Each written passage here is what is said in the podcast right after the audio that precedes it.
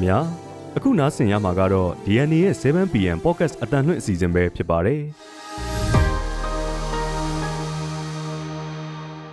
ဒီကနေ့နိုဝင်ဘာလ29ရက်နေ့ရဲ့ Podcast အတန်လွင့်အစီအစဉ်မှာတော့မတူပီမြို့နယ်ရေစွာမြို့ကိုချင်းတော်လန်ရေးတပ်တွေတင်ပိုက်တဲ့တဲ့ကုန်းချမ်းမြို့အခြေဆိုင်ခလာရ125တရင်လိုက်လက်နက်ချတယ်လို့ MNDAA အတည်ပြုတဲ့အကြောင်းဒဇယ်မျိုးမှရဲစခန်းသိမ်းပိုက်ခံရပြီးတဲ့နောက်စစ်ကောင်စီကအင်အားထပ်မံဖြစ်တင်းနေတဲ့တဲ့။ ရိုက်ကော်တက္ကသိုလ်ပေါမောက်ခချုပ်အပါအဝင်ဝန်ထမ်း၅ဦးကိုတရားစွဲအရေးယူမယ်လို့ဆိုတဲ့တဲ့။လောက်ကင်ကထွက်လာသူထောင်ချီလာရှိုးအဝင်မှာတားမြစ်ခံထားရတဲ့တဲ့။စတဲ့ပြည်တွင်းသတင်းများနဲ့အတူ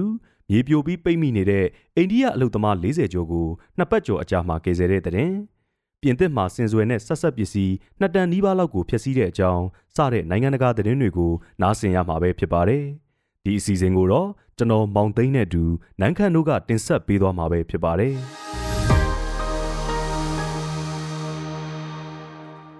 အခုပြည်တွင်းသတင်းတွေကိုတင်ဆက်ပေးပါမယ်ရှင်ပထမအဆုံးပြောပြချက်နဲ့အကြောင်းကတော့မတူပီမြို့နယ်ရေဇွာမြို့ကိုချင်းတော်လန်ရဲတပ်တွေသိမ်းပိုက်တယ်ဆိုတဲ့အကြောင်းပါ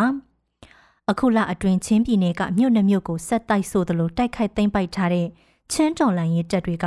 ဒီကနေ့မနက်ပိုင်းမှာလဲမတူပီမြို့နယ်ကရေဇွာမြို့ကိုထပ်မံသိမ်းပိုက်လိုက်ပါတယ်။အင်အား90ဝန်းကျင်လောက်ရှိတဲ့ ရေဇာမြို့အခြေဆိုင်စစ်ကောင်စီစခန်းကိုဒီကနေ့မနက်ပိုင်းမှာချင်းတော်လန်ရေပူပေါင်းတပ်တွေကထိုးဆက်ဆန်တိုက်ခိုက်သိမ်းပိုက်နိုင်ခဲ့တာဖြစ်ပါတယ်။အဲ့ဒီစခန်းကျသွားပြီးတဲ့နောက်လက်ရှိရေဇွာမြို့ကိုချင်းပူပေါင်းတပ်တွေကထိန်းချုပ်ထားတယ်လို့ CDF ဇိုဒန်တာဝန်ရှိသူတအုပ်ကိုကိုးကားပြီးအာရဗီသတင်းဌာနကဖော်ပြထားပါတယ်။အဲ့ဒီစစ်ကောင်စီစခန်းကိုချင်းတော်လန်ရေးတပ်တွေကနိုဝင်ဘာလ25ရက်မှာစတင်တိုက်ခိုက်ခဲ့ကြတာဖြစ်ပြီးတော့ ၄ရက်အကြာမှာစခန်းသိမ်းနိုင်ခဲ့တာလို့သိရပါတယ်။မနေ့ကနဲ့ဒီကနေ့မနေ့တိုက်ပွဲတွေအတွင်းစစ်ကောင်စီဘက်ကလီကြောင်ကနေအကြိမ်20လောက်ပုံကျဲတိုက်ခိုက်ပေမဲ့သိမ်းပိုက်နိုင်ခဲ့တယ်လို့ဆိုပါတယ်။တိုက်ပွဲအတွင်းနှစ်ဖက်တပ်တွေထိခိုက်သေးဆုံးမှုရှိပေမဲ့စစ်ကောင်စီဘက်ကပိုအထိနာပြီးလက်နက်ချသူ12ဦးလည်းရှိတယ်လို့ CDF ဆိုတန်းတာဝန်ရှိသူက RFA ကိုပြောထားပါတယ်။ ချင်းအမျိုးသားတပ်မတော် CNA အပါအဝင်ချင်းကာကွယ်ရေးတပ် CDF ပူးပေါင်းတပ်တွေဟာအခုလ14ရက်မှာမြန်မာအိန္ဒိယနယ်စပ်ကရီခေါတာမြို့24ရက်နေ့ကလိုင်းလင်းပီမြို့တွေကိုလည်းတိုက်ခိုက်သိမ်းပိုက်နိုင်ခဲ့ပါတယ်။အဲ့ဒီမြို့တွေကိုလည်းလက်ရှိမှာဒေသအခြေစိုက်ချင်းတော်လန်ရေးတပ်တွေကထိန်းချုပ်ထားပါတယ်။ဒါကြောင့်ဒီကနေ့ရေစာမြို့အပါအဝင်ချင်းပြည်နယ်အတွင်းကမြို့သုံးမြို့ကိုဒေါ်လာရဲတပ်တွေကသိမ်းပိုက်ထားနိုင်ပြီဖြစ်ပါတယ်။ဒုတိယသတင်းတစ်ပုဒ်အနေနဲ့ ကုန်းချမ်းမြို့အခြေစိုက်ခလာရ125တရင်လိုက်လက်နက်ချတယ်လို့ MNDAA အတည်ပြုတဲ့အကြောင်းကိုပြောပြပေးပါမယ်။ကျမ်းပြည်နယ်မြောက်ပိုင်းကိုကန့်ဒေသကုန်းချမ်းမြို့အခြေစိုက်စစ်ကောင်စီခြေလျင်တရင်ခလာရ125တရင်တစ်ခုလုံးနိုဝင်ဘာလ28ရက်နေ့မနေ့ကအလံပြူထောင်ပြီးလက်နက်ချလိုက်တယ်လို့ကိုကန့်တက် MNDAA ပြောခွင့်ရလီကြဝင်းကပြောပါတယ်။လက်နက်ချသူအရေးအတွက်မိသားစုဝင်တွေပါမပါနဲ့ ဒိန်းစီရမိတဲ့လက်နက်ခဲယမ်းအရေးအတွက်အတိအကျကိုတော့ဒီကနေ့နေ့လယ်ပိုင်းအထိမသိရသေးပဲလီကြဝင်းကတော့ဆက်လက်ထုတ်ပြန်ပေးမယ်လို့ပြောပါတယ်။ရှမ်းမြောက်ဒေသမှာညီနောင်မဟာမိတ်သုံးဘွဲရဲ့တစ်တုံညာနှစ်ခွန်စစ်စင်ရေးစတင်ပြီးတဲ့နောက်တလကျော်အကြာမှာပဲတရင်လိုက်လက်နက်ချခဲ့တဲ့စစ်ကောင်စီတပ်လောက်ခံတရင်နှစ်ခုရှိလာတာဖြစ်ပါတယ်။ လောက်ကင်မြို့နယ်အခြေဆိုင်ခလာရ129တရင်ကတရင်မှုဗိုလ်မှုကျော်ရအောင်ဦးဆောင်တဲ့တပ်ဖွဲ့ဝင်126ဦးနဲ့မိသားစုဝင်134ဦးစုစုပေါင်း260ဦးဟာလည်းနိုဝင်ဘာလ12ရက်နေ့ကတရင်လိုက်လက်နက်ချခဲ့ပါသေးတယ်။အဲ့ဒီလိုတရင်လိုက်လက်နက်ချခဲ့တဲ့စစ်ကောင်စီတပ်ဖွဲ့ဝင်တွေနဲ့မိသားစုဝင်တွေကိုစုချင်းငွေတွေနဲ့ထောက်ပံ့ငွေတွေပေးခဲ့ပြီးတွားလိုရာကိုပို့ပေးခဲ့တယ်လို့ကိုကန့်တက် MNDAA ကထုတ်ပြန်အတည်ပြုထားပါတယ်။ တရင်လိုက်လက်နက်ချတဲ့ခလာရ125နဲ့ခလာရ129တရင်တွေဟာအရှိမြောက်တိုင်းစစ်ဌာနချုပ်လက်အောက်ခံလောက်ကန်အခြေဆိုင်ဒေသကုကဲမှုစစ်ဌာနချုပ်ဓာကဆကုကဲမှုအောက်မှာရှိတဲ့တရင်9ရင်ထဲမှာပါဝင်ပါတယ်။လက်ရှိမှာ MNDAA တပ်ဖွဲ့တွေအနေနဲ့ကိုကန့်ခရိုင်မြောက်ဘက်မှာရှိတဲ့ရှင်းဝံဒေသကုန်းချမ်းနဲ့ဟုံရှင်းဒေသမှာရှိတဲ့စစ်ကောင်စီတပ်တွေကိုတိုက်ခိုက်ရှင်းထုတ်နိုင်ခဲ့ပြီးအလုံးစုံထိန်းချုပ်ထားနိုင်တယ်လို့ပြောရေးဆိုခွင့်ရှိသူလီကြဝင်းကပြောပါတယ်။ဆက်လက်ပြီးပြောပြချင်တာကတော့ ဒဇယ်မြို့မှာရဲစခန်းသိမ်းပိုက်ခံရပြီးတဲ့နောက်စစ်ကောင်စီကအင်အားထပ်မံဖြည့်တင်းနေတယ်ဆိုတဲ့အကြောင်းပါ။စကိုင်းတိုင်းဒဇယ်မြို့ပေါ်မှာနောက်ဆုံးကြံနေတဲ့စစ်ကောင်စီတပ်တွေခုခံတိုက်ခိုက်နေတဲ့မြို့မရဲစခန်းကိုပြည်သူ့ကာကွယ်ရေးတပ်တွေကဒီကနေ့မနက်မှာတိုက်ခိုက်သိမ်းပိုက်ပြီးစစ်ကောင်စီကလေကြောင်းကပစ်ခတ်မှုတွေရှိသလိုတပ်အင်အားတွေလည်းထပ်ပို့နေတယ်လို့မြေပြင်သတင်းရင်းမြစ်တွေစီကသိရပါဗျ။ ဒဇယ်မြို့ကိုပြည်သူ့ကာကွယ်ရေးတပ်ဖွဲ့ဝင်တွေကပြီးခဲ့တဲ့နိုဝင်ဘာလ22ရက်နေ့မှာစတင်တိုက်ခိုက်ခဲ့တာဖြစ်ပြီးမြို့မရဲစခန်းကလွဲလို့ကျန်းတဲ့စစ်တပ်အခြေစိုက်စခန်းအလုံးနီးပါးကိုသိမ်းပိုက်ထိန်းချုပ်ထားနိုင်ခဲ့ပါတယ်။စစ်ကောင်စီရဲ့နောက်ဆုံးခံစစ်စခန်းဖြစ်တဲ့ရဲစခန်းကိုတော့ပြည်သူ့ကာကွယ်ရေးတပ်တွေကမနေ့နိုဝင်ဘာလ28ရက်ည7:00နာရီဝန်းကျင်မှာစတင်တိုက်ခိုက်ခဲ့ပြီးဒီကနေ့မနက်4:00နာရီမှာအပိသက်သိမ်းပိုက်နိုင်ခဲ့တာလို့သိရပါတယ်။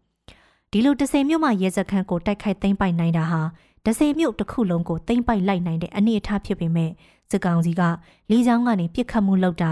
တက်အင်အားတွေလေးချောင်းကနေထပ်ပို့တာတွေရှိနေတာကြောင့်စစ်ရေးတင်းမာမှုတော့ဆက်ရှိနေပါသေးတယ်။မြို့မှာရဲစခန်းသိမ်းတိုက်ပွဲဖြစ်ပြီးတဲ့နောက်စစ်ကောင်စီကဒီကနေ့မနက်6နိုင်ဝန်းကျင်မှာမြို့ပေါ်ကိုတိုက်ခိုက်ရေးလေရင်နဲ့ပုံတလုံးကျဲချခဲ့တယ်လို့9နိုင်ဝန်းကျင်မှာလည်း MI35 ရဟတ်ရင်နဲ့မြို့ပေါ်ကိုပတ်ပြီးပစ်ခတ်ခဲ့တယ်လို့ ဒဇယ်မြို့နယ်မြေပြင်သတင်းတွေဖော်ပြပေးနေတဲ့ Boy of ဒဇယ် VOT ကအသိပေးထားပါတယ်။အလားတူနေ့လေတနင်္ဂနွေခွဲလောက်မှာလဲ Jet Fighter နဲ့ဘောင်900ဘုံနှလုံးကျဲချခဲ့သေးတယ်လို့သိရပါတယ်။ဒီကနေ့နေ့လေ12နိုင်ခွဲအချိန်မှာတော့ရေဦးနဲ့ကံဘလူ6006အမြောက်တပ်ကစစ်ကောင်စီတပ်ဖွဲ့ဝင်တွေနဲ့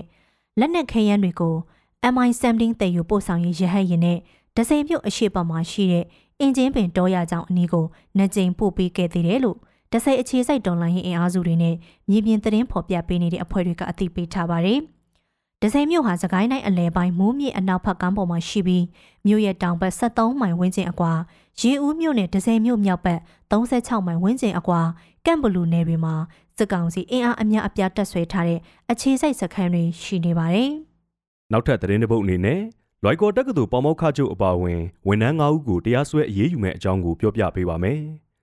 လွိုက်ကော်မြို့ပေါ်တိုက်ပွဲအတွင်းကနေဂရနီတပ်တွေကယ်ထုတ်ခဲ့တဲ့လွိုက်ကော်တက္ကသိုလ်ဝန်ထမ်းတွေကပေါမောက်ခချုပ်ဒုတိယပေါမောက်ခချုပ်တို့အပါအဝင်ဝန်ထမ်း9ဦးကိုဥပဒေအရတရားစွဲဆိုအရေးယူမယ်လို့ဂရနီပြည်ဂျာကာလာအုပ်ချုပ်ရေးကောင်စီကဒီကနေ့ထုတ်ပြန်ပါတယ်။ထုတ်ပြန်ချက်အရအမှုဖွင့်တရားစွဲဆိုမဲ့အထက်မှာအဲ့ဒီဝန်ထမ်း9ဦးရဲ့မိသားစုဝင်တွေလည်းပါဝင်ပြီးသူတို့ကိုဂရနီပြည်ရဲဌာနကတရားလိုအဖြစ်တရားစွဲဆိုကာတရားစီရင်ရေးဌာနကိုလွှဲပြောင်းပြီးအရေးယူမှာလို့ဖော်ပြထားပါတယ်။ ဒါအပြင်လွိုက်ကော်တက္ကသိုလ်ကနေခေါ်ထုတ်လာခဲ့တဲ့သူတွေထဲမှာစစ်ကောင်စီတပ်မိသားစုဝင်၃ဦးလည်းပါဝင်နေတာကြောင့်အဲ့ဒီ၃ဦးကိုတော့စစ်ဘက်ဆိုင်ရာအဥပဒေနဲ့အညီစုံစမ်းစစ်ဆေးကိစ္စတွေဆောင်ရွက်ဖို့စစ်ခုံရုံးစီလွှဲပြောင်းပြီးအရေးယူဆောင်ရွက်မယ်လို့ဆိုထားပါတယ်။ကျန်တဲ့လွိုက်ကော်တက္ကသိုလ်ဝန်ထမ်းနဲ့မိသားစုဝင်စုစုပေါင်း193ဦးကိုတော့နှစ်ကြိမ်ခွဲပြီးနဲနေနံပေးကမနေ့ကအပိသက်ပြန်ခွင့်ပြုလိုက်ပြီလို့သိရပါတယ်။အဲ့ဒီလိုပြန်လွှတ်ပေးလိုက်တဲ့သူတွေကိုစစ်ကောင်စီရဲ့ရန်နေရတွေမှာပေါဝင်ဆောင်ရွက်ခြင်းမပြုဖို့ ကြောင်းရုံးနဲ့အဆက်အသွယ်မလုပ်ဖို့ပြည်သူစန္ဒနဲ့အညီတသားတည်းရက်တည်သွားဖို့ခံဝန်လက်မှတ်တွေလည်းထိုးခိုင်းလိုက်တယ်လို့ဆိုပါတယ်။ကရနီတော်လန်ရေးပူပေါင်းတပ်တွေရဲ့လွိုက်ကော်မျိုးသိန်းတိုက်ပွဲအတွင်းလွိုက်ကော်တက်ကတူတဲ့ပိတ်မိနေတဲ့ဝန်ထမ်းနဲ့မိသားစုဝင်စုစုပေါင်း204ဦးကိုစစ်ကောင်စီကကယ်မထုတ်ပဲစွန့်ပစ်ခဲ့တာကြောင့်တိုက်ပွဲနဲ့လွတ်ရာကိုကယ်ထုတ်ခဲ့ရတယ်လို့ကရနီတော်လန်ရေးအင်အားစုတွေကပြောထားတာပါ။စစ်ကောင်စီကတော့အဲ့ဒီဝန်ထမ်းတွေနဲ့မိသားစုဝင်တွေဟာချင်းချောက်ဖမ်းဆီးခံခဲ့ရတာလို့ဆွဆွဲခဲ့ပါတယ်။ဆက်လက်ပြီးတော့ လောက်ကင်ကထွက်လာသူထောင်ကြီးလာရှိုးအဝယ်မှာတားမြစ်ခံထားရတဲ့ဆိုတဲ့အကြောင်းကိုပြောပြပေးပါမယ်။ကိုကန်တေတာလောက်ကင်မြို့ကနေနေရက်ကိုပြန်လာကြတဲ့အရက်သားတွေကိုစစ်ကောင်စီတပ်ကလာရှိုးမြို့ကိုအဝင်မခံသေးတာကြောင့်မြို့ရှောင်းလန်းနဲ့မြို့ပြင်တွေမှာလူဦးရေထောင်ချီပိတ်မိနေကြတယ်လို့ကိုရိုင်းကြုံရသူတွေနဲ့လာရှိုးဒေတာခန်တွေက DNA ကိုပြောပါတယ်။ လောက်ကင်မြို့မှာနေထိုင်သူလူဦးရေတောင်းချီဟာတိုက်ပွဲတွေဆက်ဖြစ်လာနိုင်တာကြောင့်နိုဝင်ဘာလ26ရက်မှာဆိုင်ကယ်တွေကားတွေနဲ့တာမကခြေလင်းနဲ့ပါထွက်ခွာလာကြပြီးတော့အဲ့ဒီအထက်ကလူဦးရေထောင်ချီဟာလာရှိုးကိုမနေ့ကရောက်ခဲ့ကြပြီးမြဲစစ်ကောင်စီရဲ့မြို့ပြင်ကိတ်ကဝင်ခွင့်မပြုဘူးလို့ဆိုပါတယ်။စစ်ကောင်စီလုံခြုံရေးတပ်ဖွဲ့တွေနဲ့အုပ်ချုပ်ရေးအဖွဲ့တွေကစစ်ဆောင်တွေနဲ့အတူလက်နက်ကင်အဖွဲ့တွေပါလာမှစိုးရိမ်တာကြောင့် စစ်ဆောင်တွေကိုစနစ်တကျစရင်ကောက်ပြီးဝင်ခွင့်ပြုဖို့အတွက်ဒီလိုတားမြစ်ထားတာဖြစ်နိုင်တယ်ဆိုတဲ့သုံးသပ်မှုတွေလည်းရှိနေပါတယ်။လောက်ကိုက်ကနေထွက်ခွာလာကြတဲ့သူတွေဟာကာစီနိုနဲ့အွန်လိုင်းလိမ်လည်မှုလုပ်ငန်းတွေနဲ့နာမည်ကျော်တဲ့တရုတ်မြန်မာနေဆက်လောက်ကိုင်မျိုးမှာအလုတ်သွားရောက်လောက်ကင်ကြတဲ့ရွှေပြောင်းလှုပ်သားအများစုဌာနဆိုင်ရာဝန်ထမ်းတွေလည်းပါဝင်ကြပြီးလောက်ကိုင်ကနေလာရှိုးလန်းအတိုင်းပြန်ဆင်းလာကြတာပါ အဲ့ဒီလိုပြန်လာကြတဲ့သူတွေဟာသိန်းနီနဲ့နှက်ဆက်လက်ကိုရောက်ချိန်မှာကိုကန့်တက်ကသိန်းနီမြို့ကိုဖျက်ခွင့်မပေးဘဲတောလန်းကသွားခိုင်းတာကြောင့်တောထဲမှာနှညအိတ်၃ရက်ကြာခဲ့တယ်လို့တင်းရှောင်လာသူတွေကဆိုကြပါတယ်။အခုတခါလာရှိုးမြို့ရောက်ချိန်မှာလဲစကောင်စီဘက်ကမြို့ရင်းဝင်ခွင့်မပေးသေးတာကြောင့်အနီးအနားကဖုံကြီးကျောင်းဈေးနဲ့တိတခန်တွေရဲ့နေအိမ်တွေမှာယာယီခိုလုံနေကြရတယ်လို့သိရပါတယ်။ လောက်ကိုင်မြို့ကိုတိုက်ခိုက်တော့မယ်လို့ထုတ်ပြန်ပြောဆိုထားတဲ့ညီနောင်မဟာမိတ်တပ်တွေဟာနိုဝင်ဘာလ25ရက်ကစလို့လောက်ကင်မြို့တွင်းကအရက်သားတွေထွက်ခွာနိုင်ဖို့လမ်းဖွင့်ပေးခဲ့တာကြောင့်အခုလိုလူဦးရေအများအပြားနေရက်ပြန်လာကြတာပါ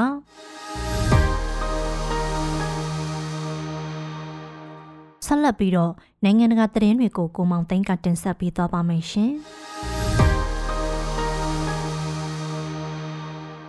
ဝေးပြေးလန်းဥမင်တစ်ခုတိစောက်နေတော့မြေပြိုကျပြီး18ရက်ကြာပိတ်မိနေတဲ့အိန္ဒိယအလုတ်သမား42ဦးစလုံးကိုအထိကိမရှိကယ်ထုတ်နိုင်ခဲ့ပြီဖြစ်ပါတယ်။နိုဝင်ဘာ28ရက်ညပိုင်းတုန်းကဥမင်ရှိမှစိတ်လှုပ်ရှားခြင်းကြီးစွာနဲ့တရင်စောင့်မျှော်နေတဲ့မိသားစုဝင်တွေမိတ်ဆွေတွေဟာသူတို့ချစ်ခင်သူတွေကြမ်းကြမ်းမာမာနဲ့ပြန်ထွက်လာတာကိုတွေ့ရတော့ဝမ်းမြောက်ဝမ်းသာအောင်ပွဲခံခဲ့ကြပါတယ်။ နိုဝင်ဘာ12ရက်တုန်းကဟိမဝနာတောင်စင်တန်းတွေနဲ့ဆက်ဆက်နေတဲ့ဥတာရာခန်ပြည်နယ်ထဲမှာမြေပြိုမှုတွေဖြစ်ပွားပြီးအလုသမား42ဦးစလုံးပိတ်မိနေခဲ့တာပါ။ကယ်ဆယ်ရေးအဖွဲ့တွေဟာကြောက်တုံးတွေတတုဇတွေတိတ်တိတ်တဲတဲဖြစ်နေတဲ့မီတာ60လောက်အပျက်စီးတူကြီးကိုတူးဖောက်ပြီးအလုသမားတွေကိုကယ်ထုတ်ခဲ့ရတာဖြစ်ပါတယ်။ကယ်ဆယ်ရေးတွေစတင်ပြီးမကြခင်မှာပဲသေးငယ်တဲ့အပေါက်တစ်ခုကနေတဆင့်အောက်ဆီဂျင်ဘူးတွေရိတ်ခါတွေတောက်ရည်တွေဖြစ်တင်းပေးနိုင်လို့အလုသမားတွေအသက်ဆက်ရှင်နေခဲ့ပြီးအဲ့ဒီနောက် သုံးပေကျဲတဲ့လှိုင်ကောင်းတစ်ခုကိုရန်နီယာကြီးတွေနဲ့တူးဖောက်ခဲ့ပါတယ်။ဒါပေမဲ့စက်ပြတ်သွားတာမျိုးပြဿနာတွေကြောင့်ကေဇေးလုပ်ငန်းတွေကလိုတာထက်နှောင့်နှေးမှုတွေဖြစ်ပေါ်ခဲ့ပါတယ်။စိတ်မောစရာကာလကိုကြော်ဖြတ်ပြီးအခုတော့အားလုံးဘေးကင်းကင်းနဲ့အပြင်ပြန်ရောက်လာနိုင်ခဲ့ကြတာပါ။သူတို့ကိုလှိုင်ကောင်းလောက်ဘိန်းတက်ထားတဲ့ထန်းစင်တွေနဲ့ဆွဲထုတ်ခဲ့ကြတာဖြစ်ပြီးအားလုံးကိုအထီးကိုက်မရှိကယ်ထုတ်နိုင်ခဲ့ပါတယ်။အိန္ဒိယအစိုးရကတော့ကေဇေးအဖွဲ့တွေရဲ့အစွမ်းကုန်အားထုတ်မှုကိုလေးစားချီးကျူးကြောင်းထုတ်ပြန်ခဲ့ပါတယ်။ အလုသမားတွေကိုဆေးရုံတန်းပို့လိုက်ပေမဲ့စိုးစိုးရွားရွားထိကြိုက်ဒဏ်ရာရထားသူတယောက်မှမရှိပါဘူး။ကေဇေးအဖွဲ့တွေဟာပိတ်မိနေသူတွေစီရောက်ခါနီးမှာလွန်တူးဆက်ကပျက်စီးသွားတဲ့နောက်အချိန်တွေထပ်ကြာလာမှစိုးရိမ်တာကြောင့်လူအားနဲ့ဆက်ပြီးလှိုင်ကောင်းတူးခဲ့ကြကြောင်းလည်းသိရပါဗျ။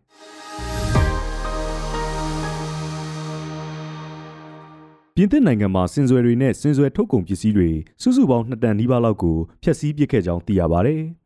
နိုဝင်ဘာ28ရက်တုန်းကပြင်သစ်ရဲ့ဇီဝမျိုးကွဲပေါင်းစုံထိန်းသိမ်းရေးအဖွဲ့ OFB နဲ့နိုင်ငံတကာတလိษံစောင့်ရှောက်ရေးရန်ပုံငွေအဖွဲ့ IFAW တို့ပူးပေါင်းပြီးစင်စွယ်နဲ့ဆက်ဆက်ပစ္စည်း1.85တန်ကျော်ကိုဖျက်ဆီးခဲ့တာဖြစ်ပါတယ်။ပစ္စည်းတွေကိုဖျက်ဆီးပြရတဲ့ရည်ရွယ်ချက်ကဒါယန်တလိษံအစိတ်ပိုင်းတွေမှောင်ခိုရောင်းဝယ်တဲ့ဈေးကွက်နိုင်ငံတကာအတိုင်းအတာထိကျေပြန့်နေတဲ့အတွက်နှစ်စဉ်စင်တွေဘလောက်အသက်ခံနေရတယ်လဲဆိုတာမြင်သာစေချင်တာကြောင့်လို့ IFAW ကထုတ်ပြန်ပါတယ်။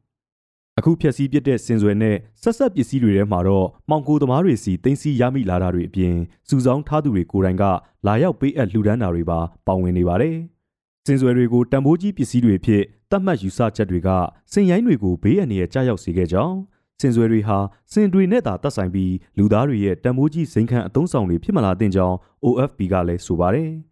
စင်စွယ်တွေကိုဖျက်ဆီးတဲ့အစီအစဉ်ကို Range မြို့မှာပြုလုပ်ခဲ့ကစက်ရန်နရတွေအသုံးပြုပြီးအမှုတ်ကျိတ်ခြေဖြတ်ပစ်ခဲ့တယ်လို့လည်းသိရပါဗျ။